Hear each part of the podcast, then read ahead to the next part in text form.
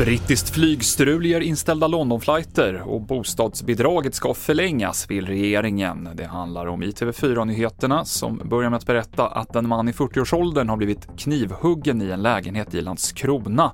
Han har förts till akuten, skadeläget är oklart och polisen letar efter en utpekad gärningsman fortsätter med åtalet mot en man i 60-årsåldern som misstänks för grov olovlig underrättelseverksamhet mot Sverige och USA.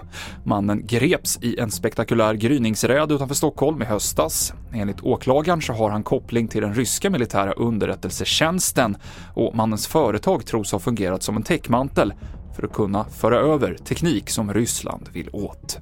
Jag läste någon, en artikel i eh, några stora dagstidningar för jag tror någon vecka sedan bara eh, som beskrev att man har tittat på ett antal missiler från slagfältet, ryska missiler från slagfältet i Ukraina och där hittat ett stort andel, en stor andel eh, västerländsk elektronik. Det om någonting är ett bevis på både vikten för Ryssland och allvaret i den här typen av verksamhet. Kammaråklagare Henrik Olin och den åtalade mannen nekar till brott.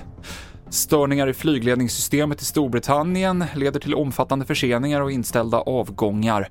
Runt om i Europa rapporteras det om att passagerare som ska till Storbritannien blivit fast på startbanorna i flera timmar.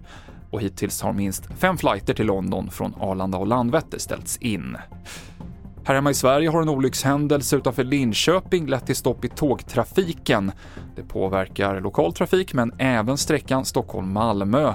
Prognosen är att trafiken kan komma igång tidigast nu vid 17. Och regeringen vill förlänga det extra tillägget i bostadsbidraget, vilket skulle innebära att det gäller till och med juni nästa år. Omkring 110 000 barnfamiljer berörs och det kan ge upp till 2 100 kronor extra i månaden. Och det avslutar TV4-nyheterna. I studion idag, Mikael Klintevall.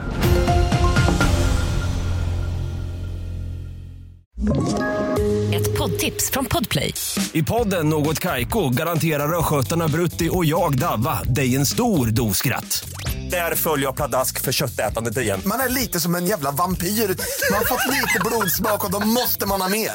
Udda spaningar, fängslande anekdoter och en och annan arg rant.